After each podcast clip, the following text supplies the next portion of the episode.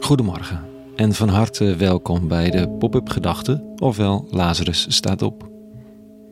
Ik ben Rico en ik schrijf overwegingen om de dag mee te beginnen. Vandaag met de titel Liefde leren. Pop-up Gedachten, dinsdag 1 februari 2022. Er zijn van die mensen met wie je gewoonweg niet door één deur kunt.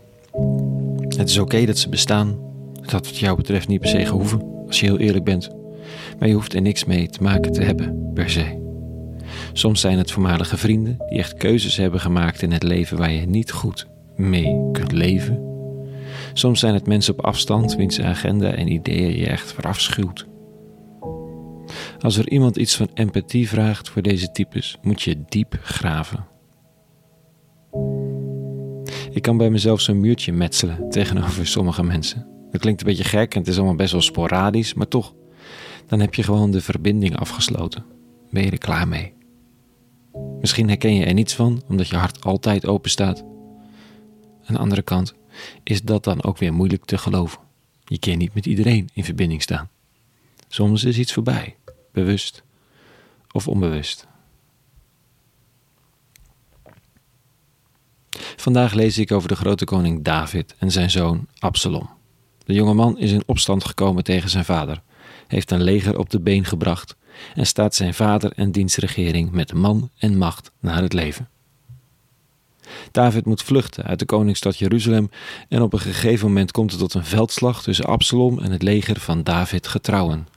Het leger van Absalom wordt verslagen en Absalom wordt gedood. Als een boodschapper het bericht aan David komt te brengen, gebeurt dit. Diep geschokt ging de koning naar het vertrek boven de poort. Daar liep hij wenend heen en weer en riep aldoor: Mijn zoon Absalom, mijn zoon Absalom, mijn zoon. Ach, was ik zelf maar in uw plaats gestorven, Absalom, mijn zoon, mijn zoon.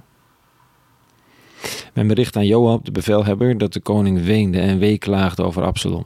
En de overwinning van die dag veranderde in rouw voor heel het volk, daar het volk die dag had vernomen dat de koning bedroefd was om zijn zoon. Totale verbijstering. Heb je gewonnen, het leven behouden, de binnenlandse dreiging geneutraliseerd van een verraderlijke zoon. En het enige wat koning David kan, is wensen dat hij zelf gestorven was. En niet per se heel dankbaar naar zijn strijdkrachten en het volk dat hem trouw is gebleven en hun leven voor hem hebben ingezet. Maar David is overmand door verdriet. Nou heb ik de neiging om David op de divan te leggen en hem te vragen of hij zelf vindt dat hij het nog wel een beetje scherp ziet. Maar als ik een stapje terug doe, zie ik een koning die alle reden had om zijn hart volkomen op slot te gooien, om een stevige muur te bouwen ten opzichte van zijn verraderlijke zoon, en het gewoon domweg niet kan. En het doet me een beetje denken aan de eeuwige zelf. Als de mens ergens een plek heeft in dit verhaal ten opzichte van de eeuwige, dan is het wel de rol van Absalom en zijn troepen. Afgelopen zondag preekte ik nog in een kerkelijke viering waar klimaatverandering centraal stond. En de rol van de mens, nou, je hoeft maar een beetje aan de oppervlakte te krabben van het laakbare gedrag van de mens om een afzichtelijke hoop troep tevoorschijn te halen. Verraderlijk, in opstand, achterbaks. Je kunt zo allerlei parallellen bedenken met het gedrag van de rebellerende Absalom. En toch, zie daar, hier leven wij. Jij en ik. De zon gaat op, het stormt af en toe een beetje en we koesteren ons in de liefde. Is het masochistisch om de link tussen onszelf en Absalom te leggen? Ik weet het niet. Ik zie de link tussen David en de eeuwige, de schepper die alle reden heeft om ziekte nummer 1, de mens, van zijn geliefde planeet te verwijderen en het never nooit niet over het hart kan verkrijgen uit diepe liefde voor de mensheid. Misschien kun je dat niet meemaken of mee voelen, omdat we toch ook ons best doen en lieve mensen zijn. En dat is ook zo.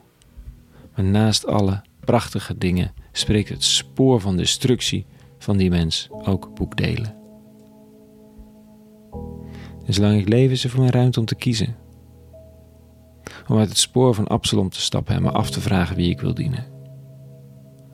Omdat het hart van de eeuwige blijkbaar geen muurtjes kent